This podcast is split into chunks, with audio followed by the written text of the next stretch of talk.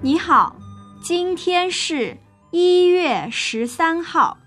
Pozdravljeni, danes je januar 16. 13.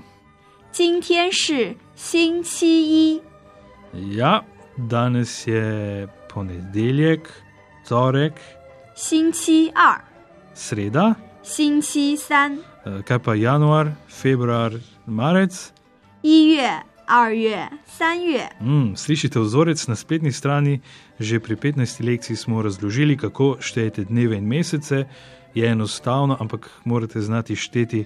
eh, To pa smo se naučili v peti in šesti lekciji. Pred časom smo praznovali novo leto, kmalo bomo praznovali kitajsko novo leto, še prej pa bo kdo najbrž praznoval tudi rojstni dan. Kako rečem rojstni dan, Linkšen? 生日，生日， Šengr. In takrat se da darilo, kako pa rečem darilo?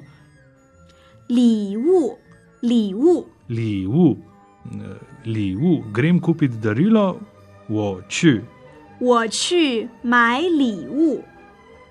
我去买礼物。我去买礼物。 Zakaj? A veš, kako se reče zakaj? Mm, ja, vem, uh, vešama. Tako je. Zakaj po kitajsko 为什么？Kaj pa ponavadi kupiš? Mm, uh, Boče dal, ne vem, rože? Kako rečem rože? 花，花， Mm, 我去买花，grem kupit rože. Uh, še kaj?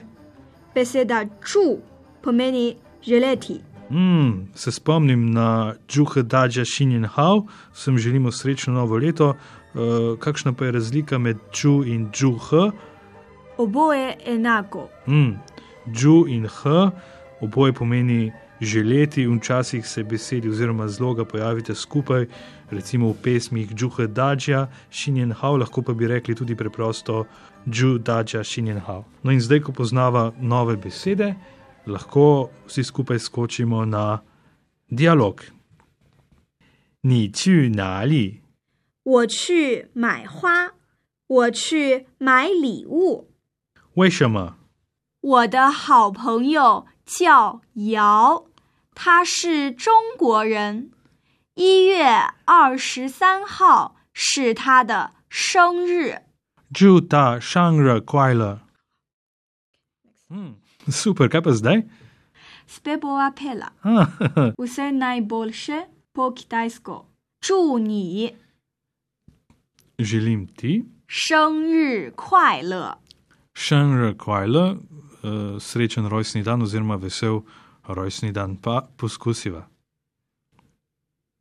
祝你生日快乐！ Juni šenr kvajla. OK，一二三，祝你生日快乐，祝你生日快乐，祝你生日快乐，祝你生日快乐。Super, vse najboljše.